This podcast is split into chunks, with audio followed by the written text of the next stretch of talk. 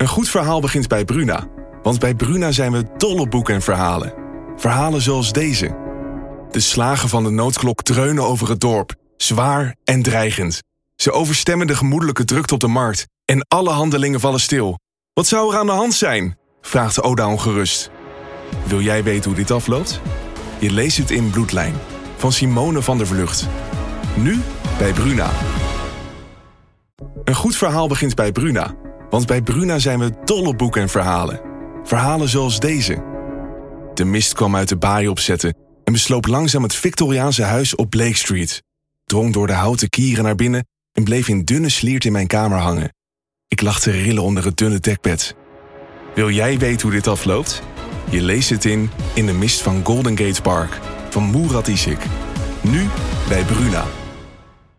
Een hele goede middag. Het is weer vrijdag, dus een nieuwe Talk of the Town in een druk forum. Want Let's Grow is net gestart, het festival hier. Uh, super tof aankomend weekend. En onze spreker zometeen gaat vanavond ook spreken op Let's Grow. Marleen Stikker, we gaan het hebben over internet, over data en hoe wij burgers daar net wat meer alert op moeten gaan zijn in de toekomst. Uh, we hebben Bas Louise hier van de Man Man Man, de podcast. En aankomende zondag staan zij in de stad Schouwburg. Wordt ook leuk. Onze programmeur, filmprogrammeur. Ruben Allesma is hier over een uh, ja, nieuwe film die eraan zit te komen.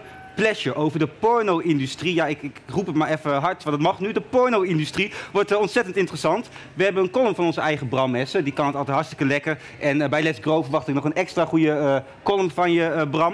We hebben muziek van Vaske. Vindt iedereen leuk. Leuke artiest. Maar we gaan het allereerst zometeen hebben over pleegzorg. Want het is de week van de pleegzorg. Dit is Talk of the Town.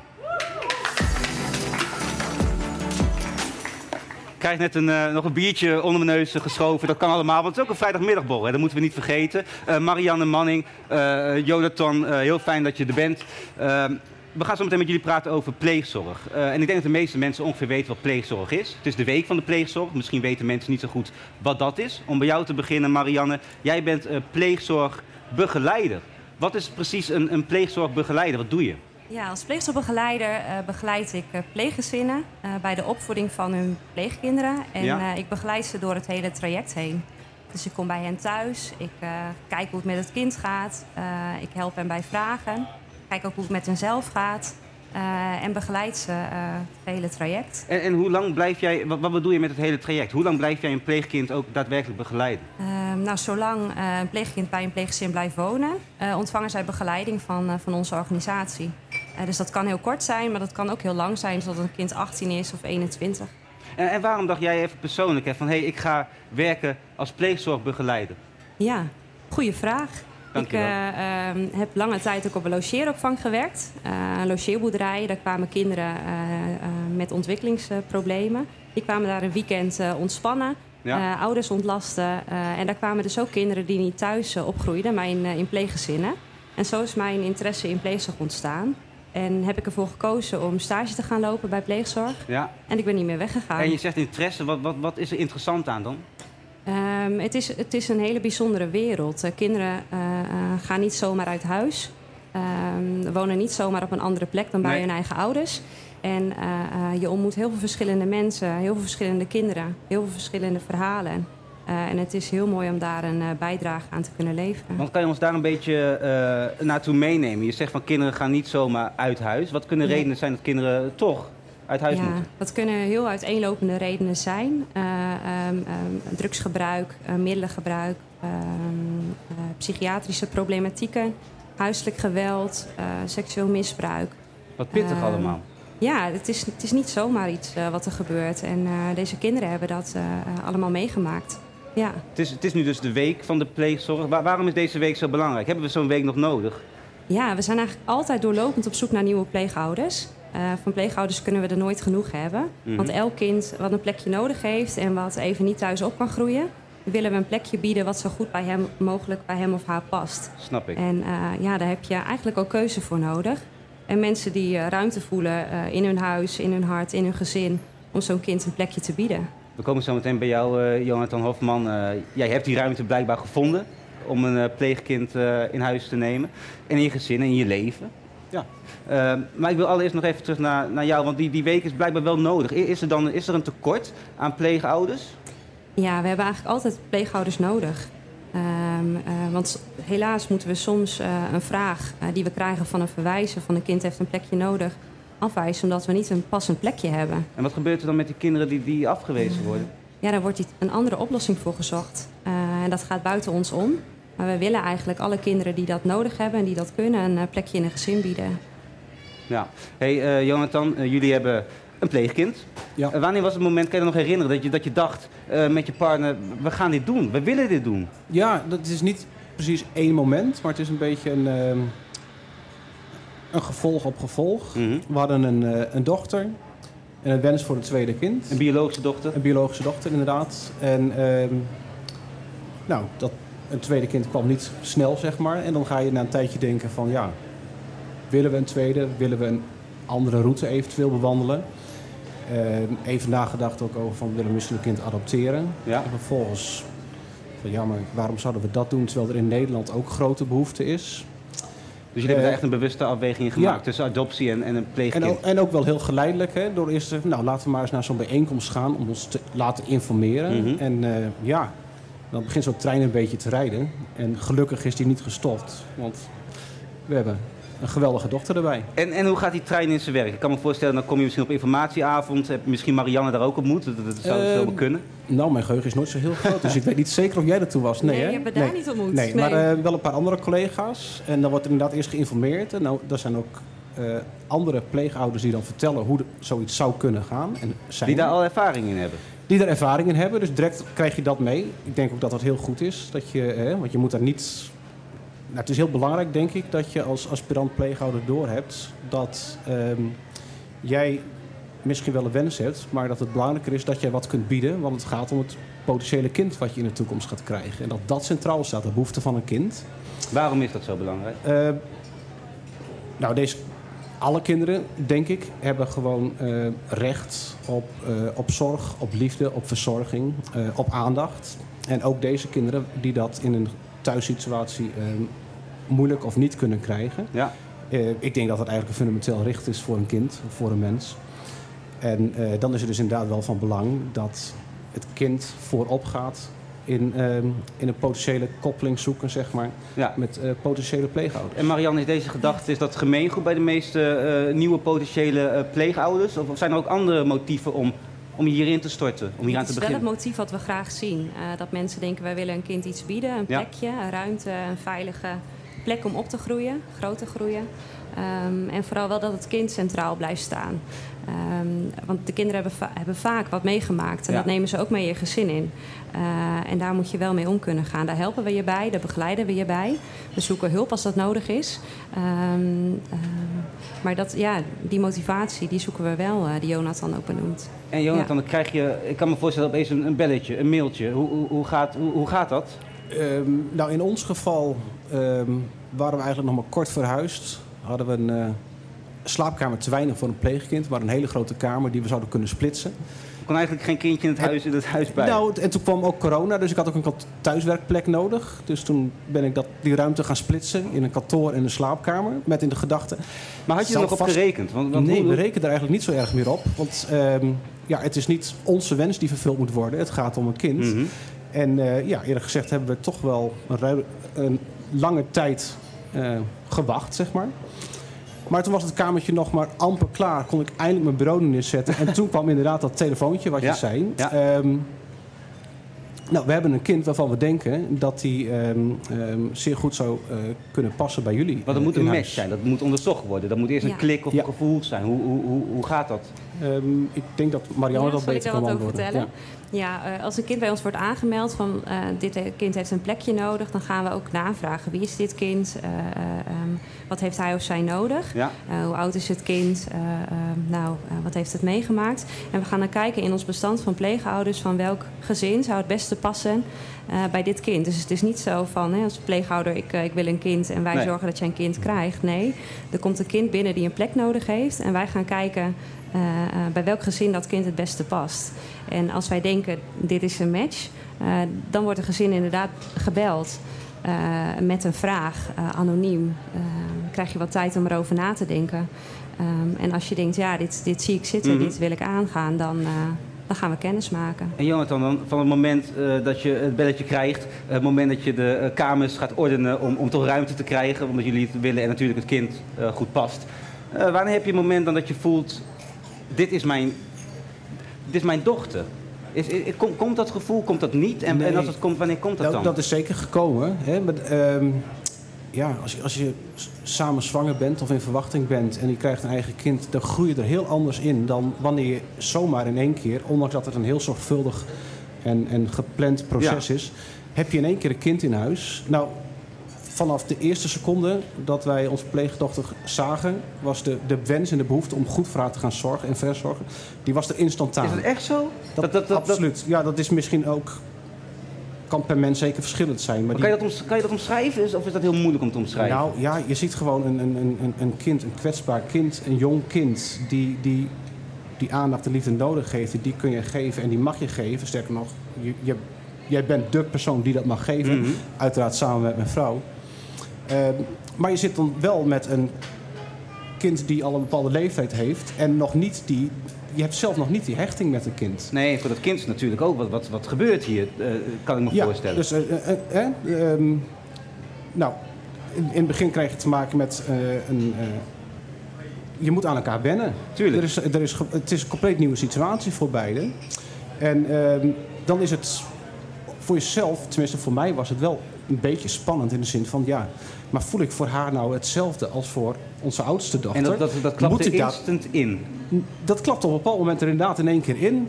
Ehm, we hadden een visite en er was ook een ander kindje aan het spelen. En uh, ja, mensen die me kennen, die zullen weten, klim maar op mijn rug en weet ik wat allemaal. En toen gebeurde, exacte details ben ik kwijt, maar ik geloof dat ze een beetje boos of verdrietig werden.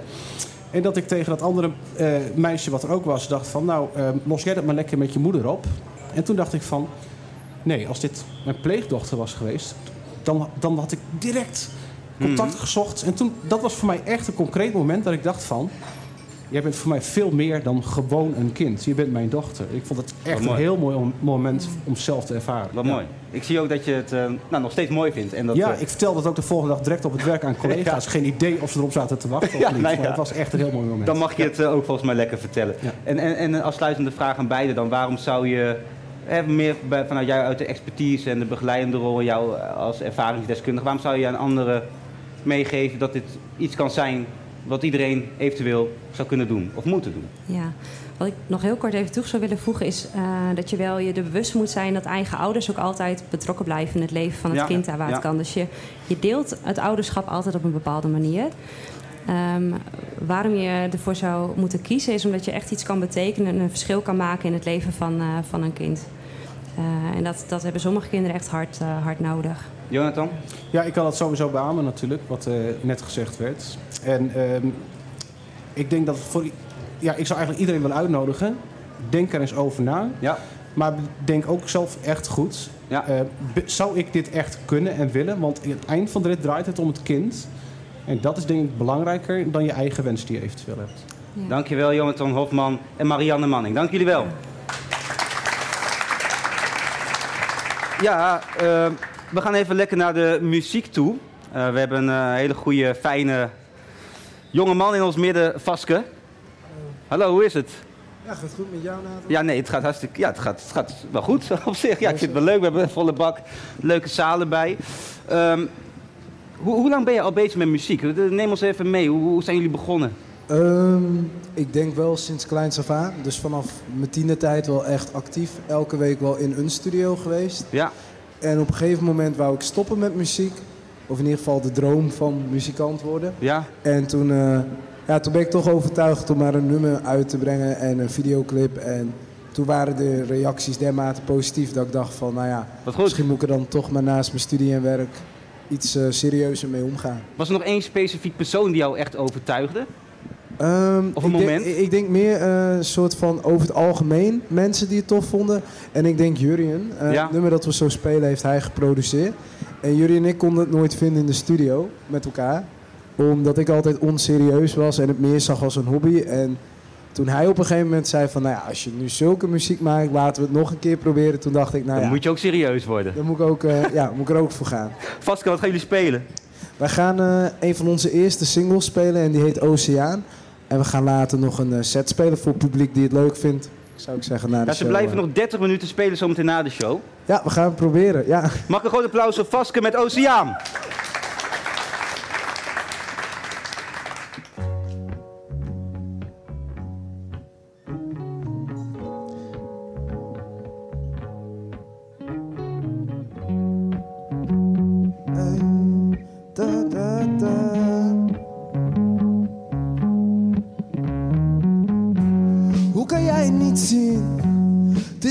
Is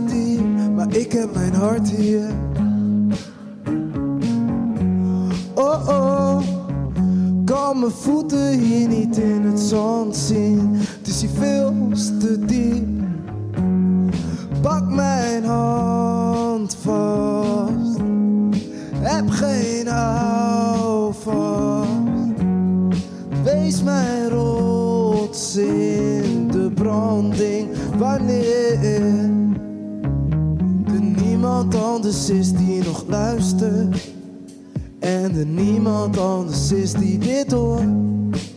Wanneer er niemand anders is in het duister. Vuurtoren, wees mijn lichtje, want breed. Net de golven van de oceaan. Laat mij niet staan hier en breed. Je kan niet altijd met de zon meegaan. Weet niet of het lukt vandaag. Hoe kan jij niet zien? Het is hier veel te diep.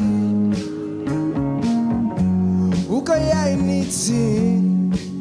Je kan je voeten hier niet in het zand zien staan, oceaan. En nu mag iedereen mee. Oh, oh, oh, oh, oceaan. En nog een keer.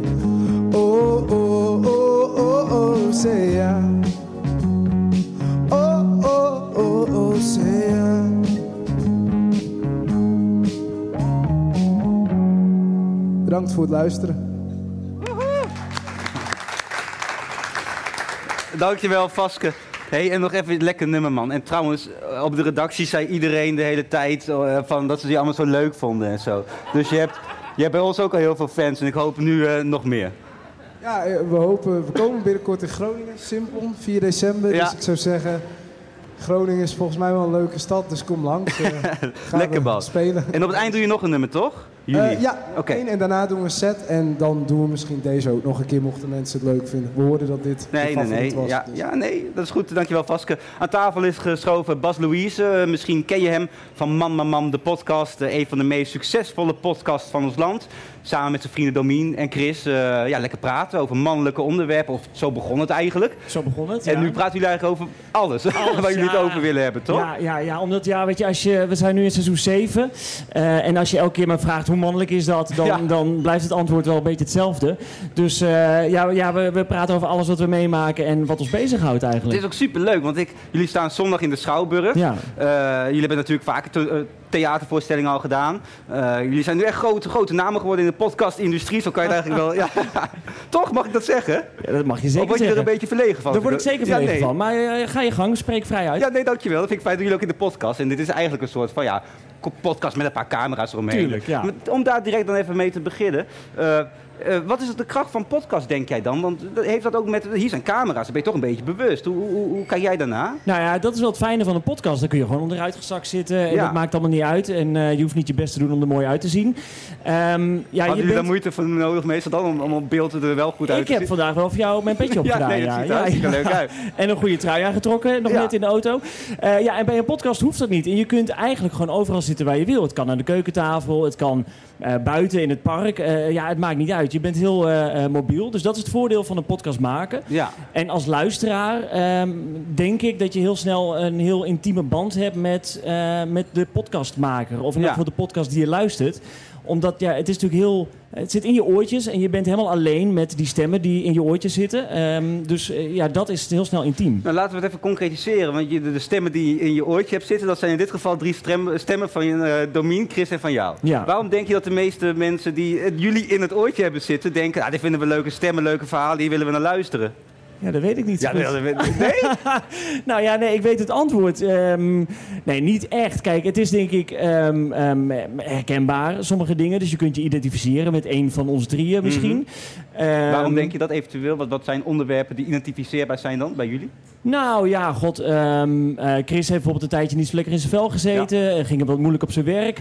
Um, nou ja, weet je, dat zijn wel dingen waar mensen misschien ook mee, mee te maken hebben. En nou ja, misschien is dat dan herkenbaar om daar iets over te horen. Dus dat zou kunnen. Um, ja, en verder is het gewoon niet bedreigend. We zijn niet bedreigend. We zijn niet hele stoere macho mannen. nee. dus ik denk dat er weinig, uh, weinig muurtjes omheen zitten waar je doorheen moet. Dus het is, ja, het is vrij uh, direct of zo. En ja. in, in hoeverre blijft die... Want klinkt ook onbevangen. Hè? Het klinkt onbevangen. Je kan het ongecensureerd, je kan zeggen wat je wil. Ja. Seizoen 7 had je het net al over. Op een gegeven moment, uh, hoe kan je dat vasthouden? Dat, dat, dat, dat je daar zo kwetsbaar in blijft? Nou, dat is wel een goede vraag. Um, ja, we hebben wel een afspraak gemaakt. We gaan altijd wel met de billen bloot zoveel mogelijk. En we zullen altijd eerlijk zijn. Um, hoe lang dat nog interessant is, ja, dat weet ik ook niet. Uh, misschien komen er 30 seizoenen, misschien stopt het hierna. Dat weet ik echt niet. Mm -hmm. Maar dat is ook niet. Uh, uh, weet je, zolang wij het leuk vinden om het te maken en zolang, um, zolang er nog een paar mensen luisteren die het ook leuk ja. vinden, is het, is het voor ons leuk om te doen. Maar ben je in de loop der tijd bewuster geworden? Want, want jullie halen ook wel eens het nieuws. Daar gaan we het zo meteen even over hebben. Ik zei het voor de uitzending even, we gaan het over poep hebben. Dat is heel bijzonder, maar dat moet je zo meteen maar even uitleggen. Ja. Maar, maar, maar in hoeverre word, je blij, word je bewuster naarmate je podcast. Want het mooie aan een medium vind ik persoonlijk dat het inderdaad zo. dat je alles mag zeggen. Ja. Maar als je, jullie worden groot, jullie staan in de schouwburg. Ja.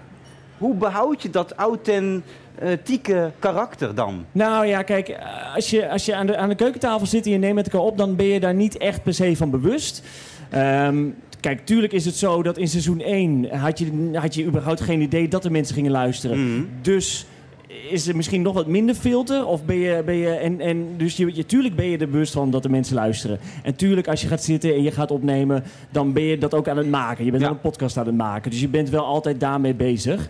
Ehm, nou ja, ben- ja, maar dat, eh, toch vergeet je het ook weer aan de Ja, keukentafel. dat, dat hoor je ook wel erin door. En er zijn er dan onderwerpen waar je terug op kijkt in de afgelopen eh, seizoenen, eh, die direct bij je opkomen nu. Van, nou, dat vond ik vet, dat vond ik bijzonder, of daar werd iets verteld wat ik nu ook nog een keer zou willen reproduceren. Waar wil jij naartoe? nee, nergens naartoe. Nee, het is gewoon even een open vraag. Ja, god. nee, zometeen ga ik ergens naartoe. dit is Ja, ja, ja, dit is nog de open vraag. Ehm, jeetje, god, wat vond ik, eh, wat vond ik Nou, of wat jij net misschien zei van dat Chris wat met, hè, met burn-out klachten te maken had. Was iets wat jij misschien hebt verteld in de podcast. Waar jij van dacht, oh, dan moet ik even over nadenken of ik het wil zeggen, maar ik heb het toch gezegd. Ja, nou ja, ik, als ik, als ik echt, dingen, echt dingen over mijn eigen gevoelens eh, praten zo, ik vind dat niet zo heel makkelijk om over te praten. Dus ik, als ik dat dan doe, dan, eh, dan kan ik er ook wel spijt van hebben of zo. Ja. Of dat ik denk, ja, waarom, waarom, moet ik dit nou, waarom moet ik nou de podcast hiervoor gebruiken of zo? Dat is ook altijd wel een stemmetje in mijn hoofd. Ehm, dus dus dat, dat, daar, twijfel, daar twijfel ik dan wel eens aan bij mezelf. Ehm, nou, maar Chris ook ja, bijvoorbeeld heel mooi verteld over zijn, zijn moeder. Die is, eh, die is overleden. Mhm. Ehm, en, en hij heeft in de aflevering over afscheid heeft hij verteld over dat afscheid. Eh, dat, was, eh, ja, dat was indrukwekkend en bijzonder en, en mooi en kwetsbaar. Ja. Ehm, ja, dus dat, En- dat is dan wel iets wat snel opkomt. Maar... En als ik ook ernaar luister, want eh, je merkt dat jullie hebben een dynamiek. Jullie kennen elkaar al een tijd. En dan, Ja. dan, dan voelt, dat is denk ik jullie kracht. Dat, dat je dan ook als luisteraar denkt van... hé, hey, die zijn zo fijn met elkaar en kwetsbaar. Dat, dat, zit je er echt op en bij. En ook bij dit soort gesprekken. Ja, nou ja, kijk, die chemie, dat is, dat is echt een cadeau. Want dat, dat kun je natuurlijk niet eh, sturen. nee, nee. Eh, dus eh, weet je, als één van ons wegvalt en er komt een ander te zitten... dan, dan, dan is die podcast niet meer wat het is. Nee, dat klopt. En dat is echt zo fijn. Want ja, soms kan ik gewoon even achterover hangen... en weet ik precies wanneer, Ja. wanneer Chris even moet inspringen springen of Domien. Ehm, ja, dus dat, dat, is, ja, dat is iets wat we gewoon... gewoon dat is ons gegeven. Maar en, dat, ja... En Bas, daar wil ik toch ergens naartoe. Ja. Eh, weet jij mag kiezen. Jullie hebben het in de podcast gehad over eh, Ed Sheeran. Jullie hebben de Britse tabloids daar meegehaald. Mhm. En jij stond volgens mij in de plaatselijke eh, kranten. In, waar was het? Overijssel? Waar was het? in het Ja, gebied? ja, ja, Enschede. Enschede met jou met, met poep en ja, bier. met poep. Jij ja. mag kiezen welke je graag nog even wil uitleggen. voor de mensen die het misschien niet hebben gehoord. Nou, zal ik het poepverhaal Doe maar vertellen? het poepverhaal. Ja, ja. want eh, nou kijk, ja, wat er gebeurde, wij hadden opgetreden in Enschede eh, twee weken geleden of zo. Nou, Ja. Net als dat we zondag gaan doen hier in, eh, in Groningen. En na afloop, we zouden eigenlijk naar huis rijden, mijn vriendin en ik. Maar we hadden allebei te veel gedronken, dus we dachten, we nemen een hotelletje. Ja. En er zat een hotel om de hoek bij, eh, bij de Schouwburg. Dus wij gaan daar naartoe en eh, we checken in. Allemaal hartstikke leuk. En nou ja, toch nog een biertje. Dus uit de minibar een biertje getrokken en ik doe die open. Wij drinken wat. En ik denk ineens, Het ruikt naar poep. Dus ik dacht, we hebben in de hondenpoep gestapt of zo. Dus ik check alle schoenen. Ik dacht, nou, daar zit niks. En terwijl mijn vriendin ook een slokje neemt. Zegt Die ze, nee. zit in de zaal. Ja, ze zit hier ook. Zegt ze, nee, nee, nee, het zit aan het flesje. dus er zat, ja, onder het kroonkurkje... Uh, zat aan het flesje een, een randje opgedroogd hondenpoep. nou ja, dat kan toch niet? Ja, dat was heel smerig. Um, nou ja, dus dat, dus, dus dat heb ik toen in de, in de podcast verteld, inderdaad. Um, en dan explodeert het. Uh... Omdat ik dat wel een goed verhaal vond.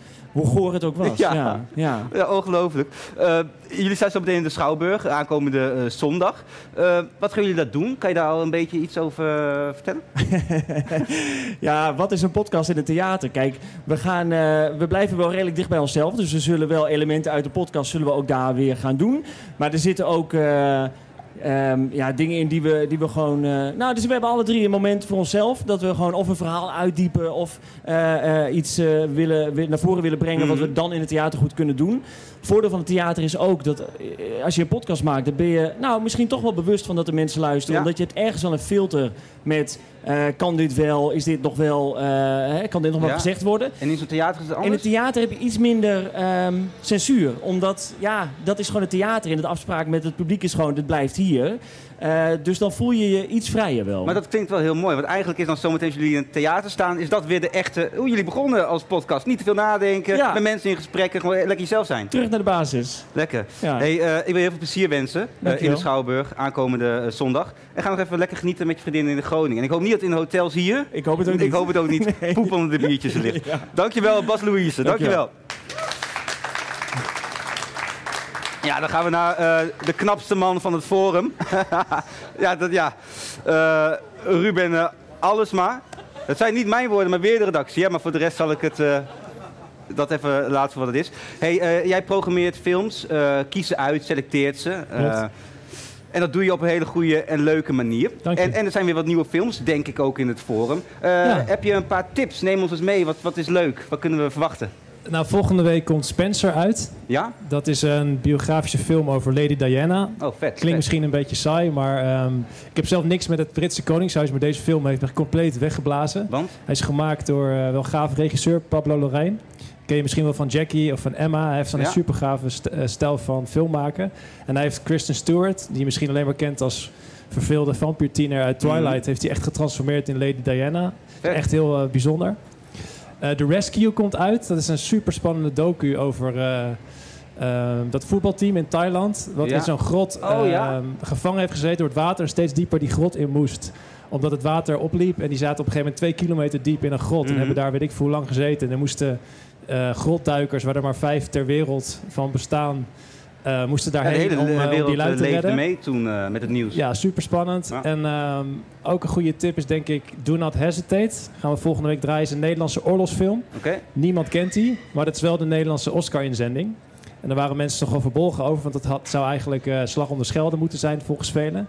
Maar dat is dus niet de Slag om de Schelde gewonnen, maar Do Not Hesitate. Het gaat over drie Nederlandse soldaten die vast komen te zitten in een woestijn in het Midden-Oosten. En daar ja, langzaamaan hun verstand verliezen. Je hebt beide films gezien, denk ik. Ben je het ermee eens dat dit, dit de inzending is van de Oscars en niet, niet de Slag om de Schelde? Ik vind het een gewaagde keuze. Het is een hele kleine artistieke film. Ja. En um, ja, misschien. Ik, ik, had, ik, ik, hij had de Slag om de Schelde ook wel, uh, ook wel gesnapt. Maar dat is echt een groot, bredere publieksfilm. Ja, we gaan het over een andere film hebben. Uh, want uh, aankomende dinsdag, als ik het goed heb bij mijn hoofd, is er ook een Q&A om de film Pleasure heen. Het gaat over de porno-industrie.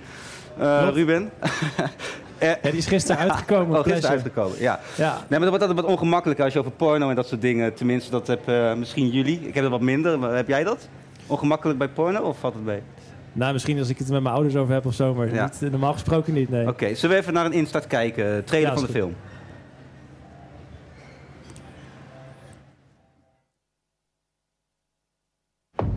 Good morning. Good morning.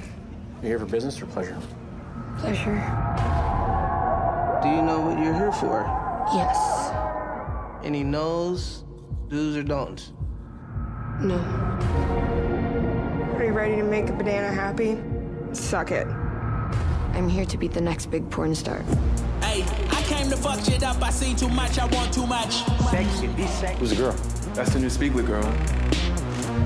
What's the Spiegler girl? They're like the A-listers of porn. Mm, hey, pick up the phone. Who's bold enough to try and call my bluff? I want to be a Spiegler girl. Your social media is pretty small. You have no fan base yet. Can't speak. Just give me a little tap, and that means like chill out. Yeah. She definitely can't tap you. Um, well, uh, everybody's gonna want to be booking you for crazier and crazier shit. Lick my fucking shoe. Stop it. You don't just throw that word around because you had a bad shoot. Nobody touches my baby girls like that. That's really fucked up. Do you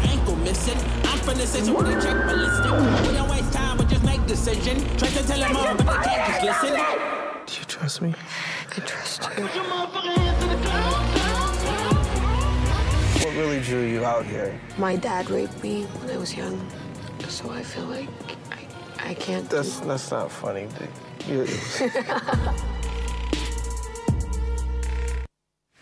Ja, uh, Ruben, het is een vrij het is een heftig film. Klopt. Over de porno-industrie en ook daar de, ja, de, de negatieve kanten van. En dat het ja. uh, grijs gebied af en toe ook is, hè, waar je je in bevindt als actrice.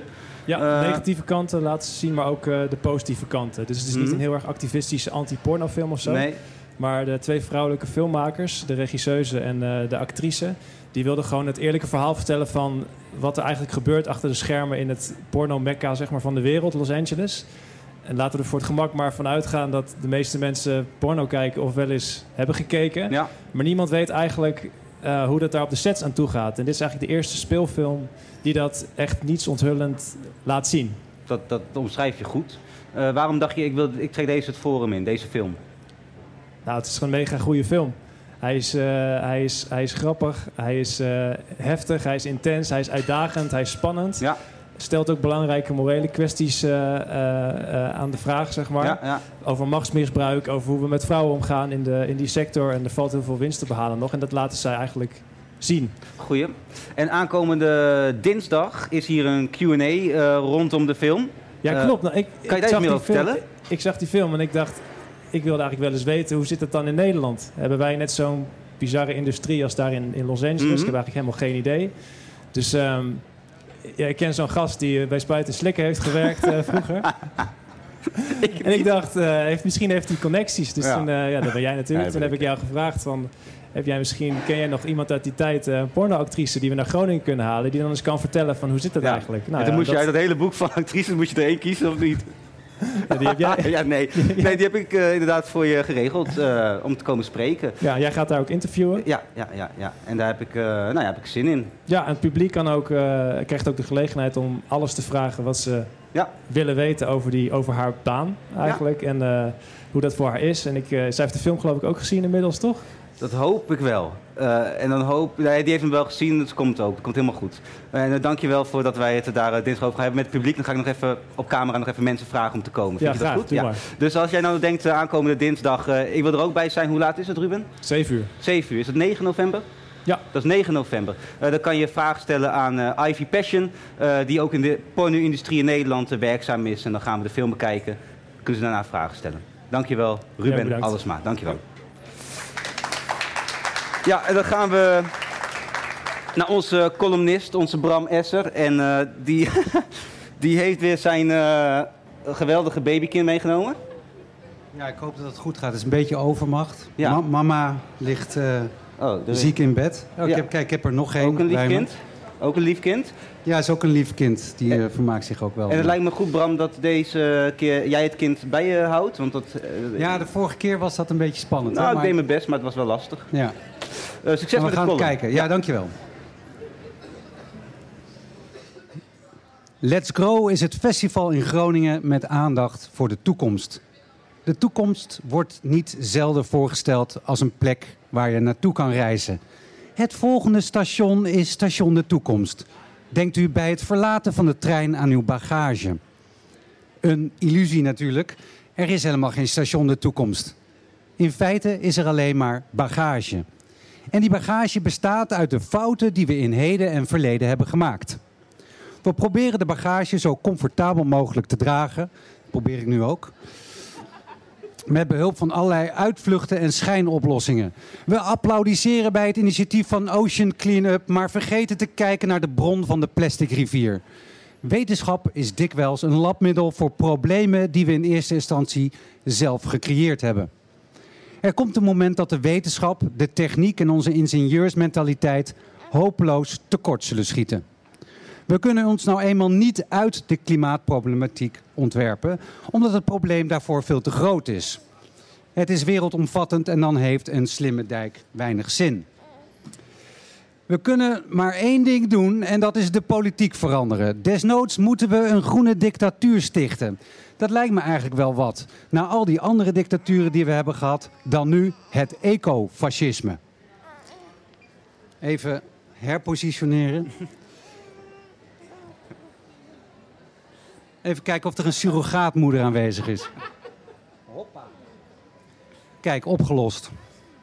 In 1627 werd door het stadsbestuur van Groningen een ordonnantie opgesteld die bepaalde wat er gegeten diende te worden in de gast- en weeshuizen. Rogge of gerstebrood, boter en kaas, elke vrijdag vis, met name stokvis en haring. S'avonds karnemelkse pap en licht bier. Eieren, kool, tuinbonen, erten en wortelen. Ik fantaseer wel eens dat dit opnieuw zal gebeuren. Dat de groene dictatuur van het ecofascisme over onze gezondheid gaat waken, omdat we hebben laten zien dit zelf niet te kunnen. We eten voortaan in wijkkeukens waar lokaal geproduceerd voedsel wordt geserveerd. In feite is de maatschappij in de toekomst omgedraaid aan wat we nu gewend zijn. We werken thuis en eten buiten de deur. De diversiteitspolitiek van de toekomst heet tafelsetting.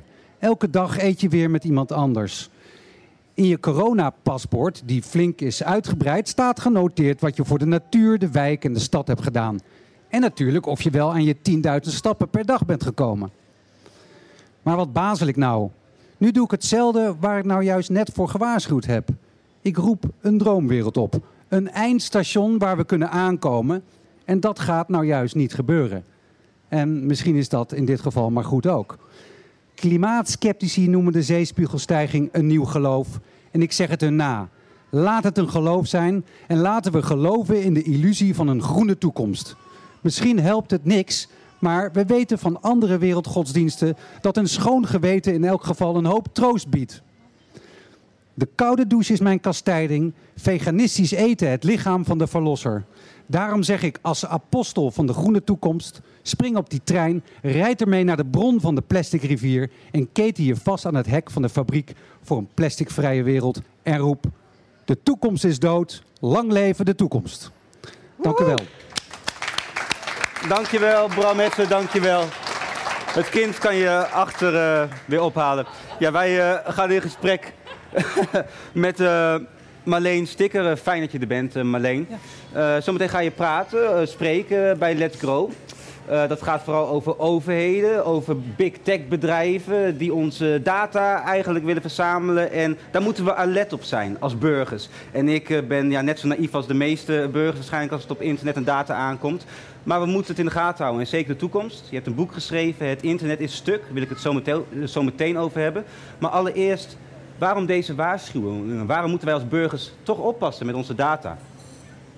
Nou, we kregen net een uh, proeven dat in die coronapas meteen van alles staat. Dat is natuurlijk een beetje een soort uh, angstdenken wat we hebben. Dat, uh, dat door heel veel data vast te leggen en heel veel te meten, ja. het systeem ons gaat dicteren wat we moeten doen. En er zit heel veel, ja, je merkt op dit moment een enorm geloof dat als we alles maar dataficeren, als we tot data verklaren, dan kunnen we gaan voorspellen. En dat is een heel merkwaardig beeld. Want dat betekent dat het, het, verleden uh, de toekomst gaat voorspellen. Ik blijf een beetje in het thema van de, ja, van de, van, de, vorige spreker. Heel goed. Um, en dat, dat, is, dat, dat zou betekenen dat we niet kunnen veranderen. Dat zou betekenen dat we zelf eigenlijk geen vrije wil meer hebben. Dat klinkt heftig. Dus ergens in dat spel tussen, nou laat het systeem het maar doen, laat de zelfrijdende auto het maar doen, laten we met data voorspellen waar criminaliteit gaat ontstaan. Uh, nou, in zekere zin worden we al geprofileerd natuurlijk in sociale media. Ja. En op een gegeven moment vraag je je af, is dit wat ik denk nou echt omdat ik het denk? Of omdat ik daarin gemanipuleerd ben? Over de regie uh, van burgers of van die bedrijven die het zo meteen hebben. Maar wat hebben eigenlijk al die bedrijven nou aan onze data? Denk aan Facebook, denk aan alle apps waar we op zitten. Zelfs de stappentellers die we hebben. Wat is nou het belang van die data voor die grote bedrijven? Het data is handel, is geld, verdienen. Heel simpel. Dat is het. Macht. Ik denk dat je. Het dus het is die combinatie van geld en macht. Neem Uber. Die, hè, dat, dat, dat bedrijf blijft overeind omdat er Saoedi-Arabisch oliekapitaal inge, miljarden inge, ingepompt wordt om het bedrijf overeind te houden. Dus wat het doet is fossiele brandstoffen raken, raken uit, uh, uit, uh, uit de mode, dat zo te zeggen. Ja. Dus wij moeten een positie in die platforms innemen waar niemand meer omheen kan. En zo snel mogelijk werelddominantie uh, krijgen via die digitale platforms. En, hoe kunnen en dan, heb je dus, dan heb je dus alle data in handen van wie waarheen gaat, de reputatie van de taxichauffeurs. Je bent dan het knooppunt, zeg maar de middleman voor alle transacties. in dit geval als het gaat over transport of uh, taxis. Maar dat de Amazons van deze wereld, de Googles van deze wereld... proberen in die haarvaten van onze samenleving te komen. En dat is macht, dan heb je macht. Dan heb je macht en afhankelijkheden gecreëerd. En, en in hoeverre kunnen wij die regie weer uh, terugpakken van die uh, big tech bedrijven? Wat moeten we dan als burgers doen? Nou, het is een combinatie. Kijk, ik denk dat allereerst is het goed om, en dat, dat gelukkig gebeurt dat nu... Uh, dat je zegt, dit hoeft niet zo. Dus, dus, dus, heel veel mensen denken, ja, het is het internet, het is nou eenmaal zo. Het zou wel. Dus ik, als ik een stappenteller wil hebben, ja, dan moet die informatie wel naar een Chinese server. Of ik moet alle cookies accepteren en ik moet Ik moet al die cookies accepteren, want dat is, ik ben mijn privacy kwijt, want het is tenslotte het internet. En ik denk dat daar langzamerhand, uh, hoop ik, uh, mensen begrijpen... dat heeft niks met het internet te maken, maar alles met het verdienmodel. En er zijn ook manieren om diezelfde diensten te, te, te leveren... zonder dat je je privacy kwijtraakt. Neem even het voorbeeld van Signal en, en WhatsApp. Ja. Een Signal is een messenger, een berichtensysteem wat niets bijhoudt van jou. Net zo betrouwbaar als WhatsApp in de zin van gebruik. Zelf, je kan groepen maken, smileys erbij, hartstikke leuk. Dus daar kan je ook op? Daar kan, je kan Signal gebruiken, dan weet je zeker dat, dat geen informatie over je achterblijft. En WhatsApp, weet je nog, de, de berichten zijn misschien versleuteld, maar men houdt daar wel bij wie met wie communiceert. Jouw hele, uh, je hele uh, telefoonboek wordt uh, naar binnen ge, geslurpt ja. door, door, door WhatsApp.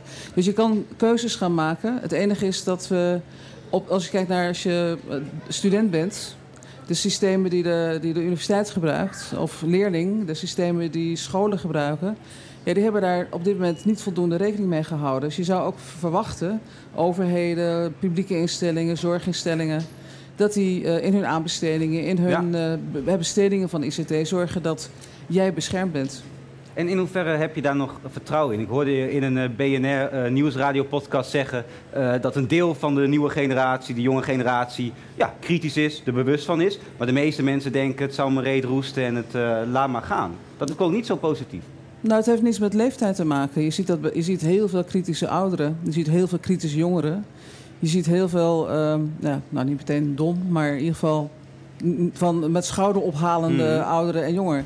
Het is meer, ik denk meer of het te maken heeft of je een, een soort kritische houding hebt ten opzichte überhaupt van, van hoe de wereld zich aan ons voltrekt. Ja. En als je daar kritisch over bent, dan, kan je, dan ben je nu, oh, nu aan het, eh, rondom digitalisering heb je, ja, heb je handen vol. Mm Er is verschrikkelijk veel gaande. Dus ik verwacht uiteraard van jonge generaties dat ze zich druk maken en dat ze zich betrokken zijn bij deze zaak. Maar net zo goed als, als de veertigers en de zestigers en de tachtigers. Ja. Ik, vind het, ik vind het niet een leeftijdsvraagstuk dit. Een aantal jaar geleden schreef je het boek Het internet is stuk. We zijn nu een paar jaar verder. Is het internet stukker? Uh, oh jee. Um, ja, ik vond het toen al flink stuk. En, uh, uh, en ik heb toen echt wel echt een soort soul searching gedaan. Want de, de, andere titel is We kunnen het repareren. En ik heb er echt goed over na moeten denken of ik er nog in geloofde. Mm -hmm. Op zich is die... kijk, het, het, het repareren van het internet kan alleen maar op heel veel verschillende manieren. En daar ben ik wat meer positiever over geworden. Terwijl coronatijd ons natuurlijk nog meer naar binnen heeft in, in dat wat in, in, dat, in dat digitalisering heeft meegenomen. Is, dat maakt het wel wat lastiger. Maar je ziet dat uh, politiek in het Europees Parlement is flink wat aan de hand. Ja. Uh, nou, de, de, de, de, de whistleblower uh, Francis Houben die, die heeft bewijsmateriaal op tafel gelegd. En spreekt dan in de Amerikaanse Senaat. Er zijn op het gebied van mededinging, privacywetgeving, algoritmewetgeving is ongelooflijk veel in de maak. Dat klinkt positief. Dat klinkt heel erg positief. We hebben nu een commissie digitale zaken zelfs in de Tweede Kamer. Er zitten goede mensen in, is positief. En je pleit volgens mij nog voor een digitale uh, minister. Iemand voor het internet. Uh, zit daar ook schot in de zaak, Marleen? Ja, ik vroeg me af, je zegt het vaker. Nou, ik vroeg me af, ze waren met z'n allen naar Groningen gegaan voor de... Ja, ze zitten hier volgens mij naast. Nog, nou, mag ik even wat tegen ze zeggen? Nou ja, pak de camera die je wil. Dat, uh, doe maar die camera in het... In het... Nee, nee, nee kijk, dat, het, het, pijnlijke is, is dat... Het is al heel wat dat we nu die commissie digitale zaken hebben. Die had natuurlijk veel eerder moeten zijn. En tot op de dag van vandaag lijkt het erop dat we geen uh, minister digitale zaken hebben... die echt, echt heel erg belangrijk is. Het is net, het, digitalisering betreft echt zo'n beetje alles. Ja, of nou gezondheidszorg, veiligheid, onderwijs. Uh, onze hele maatschappij is daarvan doordrenkt. En we komen er niet mee door steeds een beetje pleisters te plakken. Dit gaat echt om fundamentele keuzes erin te maken. En daar hoor je integraal beleid voor te hebben. En daar hoort iemand verantwoordelijk voor te zijn en die hoort ook een budget te hebben. Dus wat mij betreft, uh, waar bent u? Uh, kunt u alsjeblieft inderdaad een minister voor digitale zaken aanstellen? Ja. En Marlene moest nog een, uh, een, minister bijkomen, heb ik ook gehoord in dezelfde podcast met Diana Groningen? Een minister van Groningen. Ja, okay. ja want je komt uit Groningen. Ja, ik ben hier geboren. Ja. ja. Mijn, mijn, vader, de stickers, mijn familie komt hier vandaan. Ja. En, en wat, waarom was die minister volgens jou naast die digitale minister ook belangrijk, minister van Groningen? Ik begrijp dat minister van Groningen nodig is om, de, om het grote drama wat hier zich heeft voltrokken uh, te coördineren. Um, maar um, er, is nou er is ooit een minister Sticker geweest. Dat was van de VVD overigens, uh, rond, de, rond de, uh, de Tweede Wereldoorlog. Nou, vlak daarna. Dus niet, niet dat ik hiermee solliciteer overigens. Maar die minister van Digitale Zaken en van Groningen moeten er komen. Beide, ja. Beide. Als we dan toch weer even over het internet hebben om af te ronden. Waar staan we over vijf jaar? Want dan wil ik het toch... Er, is, komt een nieuwe generatie. Uh, heb ik het even over mijn generatie. Uh, waar staan wij over vijf jaar als we het over internet, privacy en onze data en onze gegevens hebben? Dat we moeten oppassen en opletten. Gaat dat lukken? Ja, nou misschien ook weer met dat, als je zegt de toekomst die komt niet vanzelf, die moet je zelf maken. Als wij met elkaar nu bewuste keuzes maken, dan, uh, dan is het vanzelfsprekend dat er geen data van jou verzameld wordt, dat dat verboden is. Oké. Okay. Uh, dan hebben we toepassingen die we wel kunnen vertrouwen, zoals we ook voedsel kunnen vertrouwen. Daar hebben we namelijk instituties voor om dat voor elkaar voor ons te regelen. En ik hoop ook dat we dan uh, ook weer het publieke digitale domein weer hebben terugverworven. En daar kan je nou, beleid op maken. Ik hoop dat steden met name ook hun verantwoordelijkheid nemen in het terugdringen van facial gezichtsherkenning in systemen. Dat ze niet zomaar overal data en algoritmen op loslaten. Nou, als, het als het een beetje op orde brengen, dan kan dat nog wel goed komen. Dat is een uh, mooie positieve, uh, positieve noot om mee te eindigen. Mag ik een groot applaus voor Marleen Sticker. Ja, en dan gaan wij uh, zometeen afsluiten met onze Vaske. Die gaat hier ook nog een uh, half uur muziek uh, spelen. erg veel zin in. En Let's Grow is natuurlijk aan de gang. En aankomende zondag hebben we een extra uitzending van Talk of the Town. Daar kunt u bij zijn. Dus kom hier lekker naartoe. Drink een biertje met leuke gasten. We hebben onder andere de vier burgemeesters uit de stad. De echte burgemeester, de nachtburgemeester, de kinderburgemeester en de klimaatburgemeester. Nou, als dat niet leuk wordt, weet ik het ook niet meer. En Gea Kramer komt ook. Die is altijd leuk. we gaan nu naar muziek. Uh, van Vaske. Tot zondag. En dit was Talk of the Town voor nu. Dag.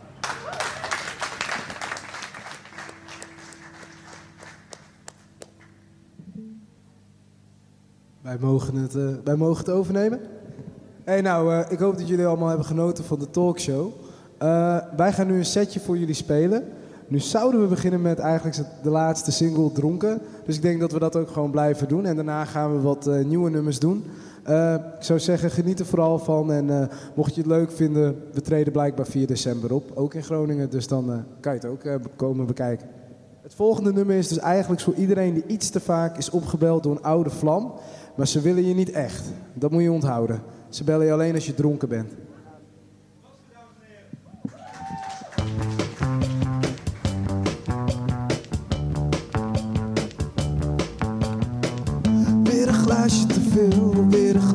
Te. En ik weet wat ze wil, ja, ik weet wat ze wil.